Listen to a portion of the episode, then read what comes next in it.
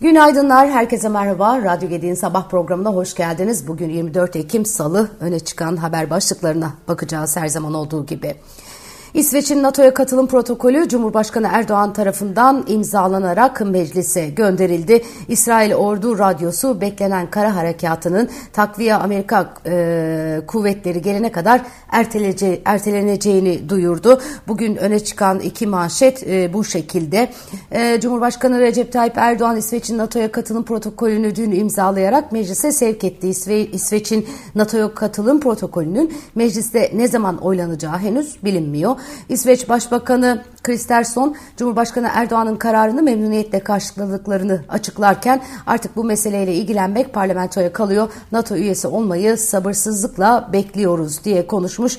Rusya'nın 24 Şubat 2022'de Ukrayna'yı işgale başlamasının ardından İsveç ve Finlandiya NATO'ya yönelik üyelik başvurusunda bulunmuştu. Haziran 2022'de Türkiye, İsveç ve Finlandiya arasında üçlü anlaşma imzalandı ve bu anlaşma uyarınca iki İskandinav ülkesi terörle mücadele konusunda Türkiye'nin taleplerini karşılamaya başladı. Finlandiya Nisan ayında ittifakın 31. üyesi oldu. Ee, Türkiye ve Macaristan İsveç'in üyeliğine oy vermedi. Ankara bu tavrına gerekçe olarak İsveç'in terörle mücadele konusunda yeterince adım atmamasını gösterdi. Ee, Macaristan Dışişleri ve Dış Ticaret Bakanı İsveç'in NATO üyeliği konusunda Türkiye'nin kararını destekleyeceklerini açıkladı. İsveç Türkiye ile müzakereler yürütürken terörle mücadele yasasında ve anayasasının bazı hükümlerini değiştirmiş.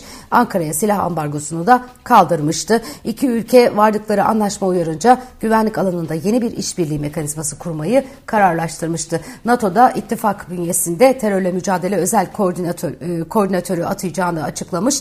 İsveç ayrıca Türkiye'nin Avrupa Birliği'ne üyelik sürecini destekleyeceğini duyurmuştu.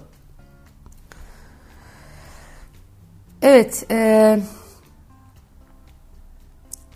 Ekim'de Filistinli silahlı e, gruplarla başlayan çatışmalar devam ederken İsrail ordusu rehineler için Gazze'ye sınırlı kara operasyonu yapıldığını açıkladı. İsrail ordu sözcüsü e, yaptığı açıklamada şu ana kadar 222 İsrailli esirin kimliğini tespit ettiklerini ve Gazze'de rehin tutulduklarına dair ailelerine bilgi verdiklerini söyledi. Bir sonraki aşamaya yani kara harekatından bahsediyor. Hazırlanan zırhlı ve piyade birlikleri gece saatlerinde silahlı hücreleri yok etmek, kayıplar ve kaçırılanlarla ilgili bilgi bilgi edinmek amacıyla sızma operasyonu düzenledi dedi. Öte yandan İsrail Ordu Radyosu Tel Aviv'in bölgeye takviye Amerikan kuvvetleri gelene kadar Gazze şeridine beklenen kara savaş, e, savaşını ertelemeye karar verdiğini duyurdu. İsrail Ordu Radyosu'ndan yayınlanan haberde Amerika İran'ın bölgedeki güçlere yönelik saldırılarının artması endişesiyle kara manevrasına hazırlık olarak Orta Doğu'ya takviye Amerikan kuvvetleri göndermeyi planladığını İsrail'e bildirdi ifadesi kullanıldı.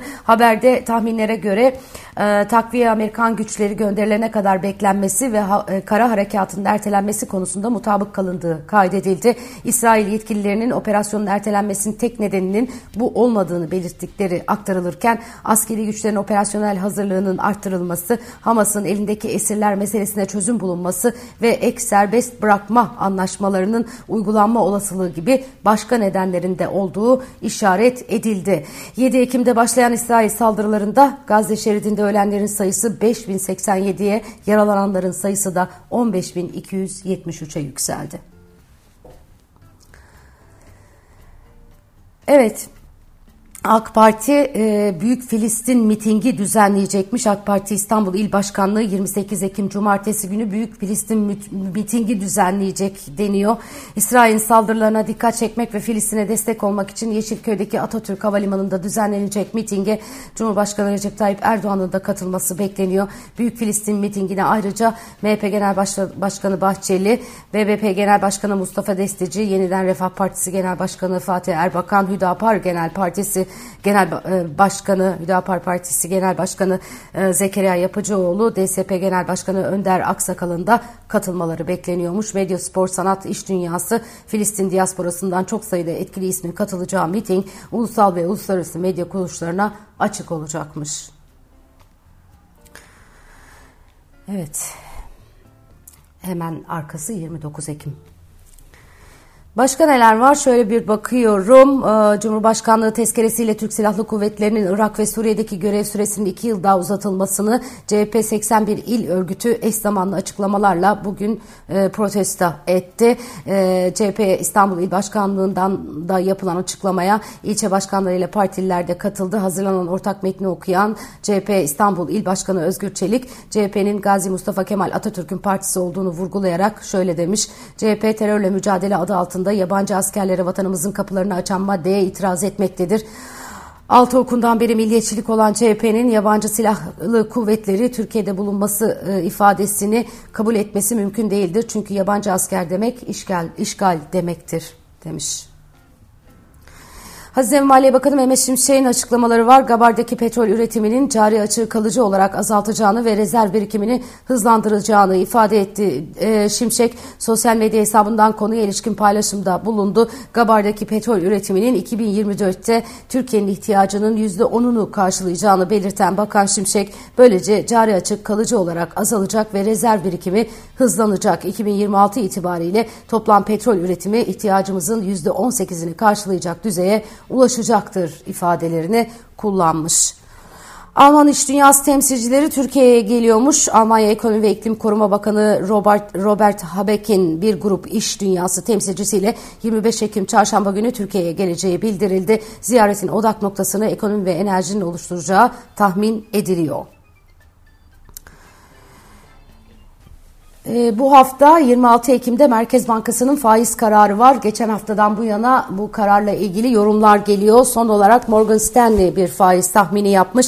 Morgan Stanley ekonomistleri Merkez Bankası'nın 26 Ekim'deki toplantısında 500 bas puanlık bir artış yaparak faiz oranını %35'e çıkarmasını beklediklerini açıklamış. Enflasyonun muhtemelen Ekim ayında daha da yavaşlayacağı kaydedilen notta ancak manşet enflasyonu yıl sonuna kadar %67,1'e yükseldi yükseleceğini ve Mayıs 2024'te %73,4 ile zirveye ulaşacağını öngörüyoruz e, demişler. Öte yandan yayınlanan notta bankanın hem tahminlerinin hem de anket bazlı enflasyon beklentilerinin Merkez Bankası'nın enflasyonla mücadele hedefinin üzerinde yer aldığı belirtilerek kredibilitenin desteklenmesi için faiz artırımlarının devam etmesi gerektiği vurgulanmış. Cari işlemler dengesinin ise Eylül ve Ekim aylarında fazla vererek yıl genelinde açığın 44 milyar dolarla sınırlı kalmasını artmasının beklendiği kaydedilmiş.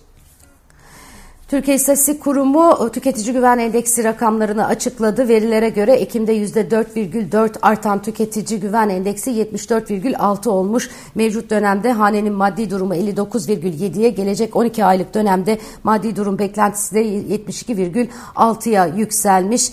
E, tüketici güveni Ekim'de yükselişini sürdürdü diye bu haber manşetlere çıkmış durumda. E, kalkınma planının görüşmelerine Meclis Plan ve Bütçe, Bütçe Komisyonu'nda başlanmış plan ve ve Bütçe Komisyonu'nda konuşan Cumhurbaşkanı Yardımcısı Cevdet Yılmaz kur korumalı mevduat için son dönemde atılan adımlarla çıkış sürecinin başladığına dikkat çekmiş ve bu sürecin devam edeceğini duyurmuş, ifade etmiş. Evet. Ee, Arjantin'de seçimler var. İkinci tura radikaller kalmış. İlk tur seçimlerde piyasa dışı ekonomi görüşüne sahip iki radikal adaydan Ekonomi Bakanı Sergio Massa birinci çıktı deniyor. Son dönemde popülist politika izleyerek vergi indirimleri yapan ve sosyal yardımları arttıran Massa %37 oy alarak anketlerdeki beklentileri aşmış. Rusya'nın Ukrayna işgali sonrasında Çin ile Rusya arasında büyüyen ticaret alüminyum tarafında daha da belirginleşiyor diyor haberler. Çin'in Rusya'dan aldığı alüminyum Eylül ayında 3. ay üst üste rekor kırmış. Batı ittifakının doğrudan alüminyum üzerine ambargosu olmamasına rağmen bazı batılı şirketlerin etik olarak Rusya'dan alımı durdurduğu, bazılarının ise ödemelerde yaptırımlar nedeniyle zorlandığı için Rusya yerine diğer üreticilere kaydığı belirtiliyor. Bu ortamda Çin'in Rus alüminyumu bunu avantajlı fiyatlarla temin ettiği ithalat rakamının Eylül ayında 153 bin tona ulaştığı vurgulanıyor. Yılbaşından bu yana alım tutarı önceki yılın 3 katına çıkarak 800 bin ton düzeyine ulaşmış. Bu seviye Çin ithalatının %80'lik düzeyinin Rusya'dan kaynaklandığını, karşılandığını e, gösteriyor. Rusya'nın alüminyumu e, fırsattan istifade Çin'e gitmiş. Dünyada Çin'den alacak bu durumda.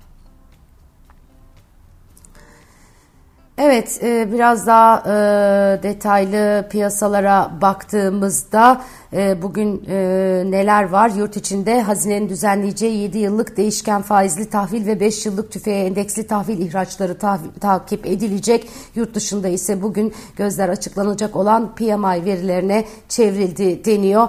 Bitcoin gün içinde %5'ten fazla artış göstererek 14 Temmuz'dan bu yana ilk kez 31 bin doları dolar düzeyini aşmayı başardı çıkarmış. Bu da e, Bitcoin'ciler için e, bir e, başka not. Evet, e, hava sıcaklıkları bu hafta e, yüksek seyrediyor. Güzel güneşli e, günler e, yaşıyoruz. Ee, bugün iki bölgede sağanak yağış var. Ee, Karadeniz'in iç kesimleriyle Doğu Anadolu bölgesi gök gürültülü ve sağanak yağmurlu olacakmış. Diğer bölgeler ise az bulutlu ve açık bir gün geçirecek deniyor. İstanbul bugün 25 derece ve güneşli. Keza Ankara güneşli 26 derece. İzmir'de kısmen güneş var ama sıcaklık daha yüksek 28 derece. Evet, e, bugün e, e, önemli bir gün. İstanbul Gedik Üniversitesi Cumhuriyet'in 100. yılında her alanda güçlü kadın çalıştayı düzenleniyor. Düzenliyor. Bugün başlayacak çalıştayda kültür, siyaset, ekonomi, eğitim ve sanat alanında öncü kadınlar bir araya gelecekler ve Cumhuriyet'in kazanımlarını anlatacaklar. Cumhuriyetimizin 100. yılında her alanda güçlü kadın çalıştayı İstanbul Gedik Üniversitesi tarafından düzenleniyor. Bugün ve yarın devam edecek oturumlar. Bugün açılış konuşmaları var. Çeşitli oturumlar var. E, hem açılışta olacağım hem de yarın sabah e, medyada kadın oturumunda hem moderatörlük yapacağım hem de görüşlerimi paylaşacağım. Bloomberg HT'den sevgili Zeynep Erataman ve Habertürk'ten sevgili Serap'la birlikte, Serap Belet'le birlikte olacağız. Evet, güzel bir gün diliyorum herkese. Yarın sabah yine aynı saatte görüşmek üzere. Hoşçakalın.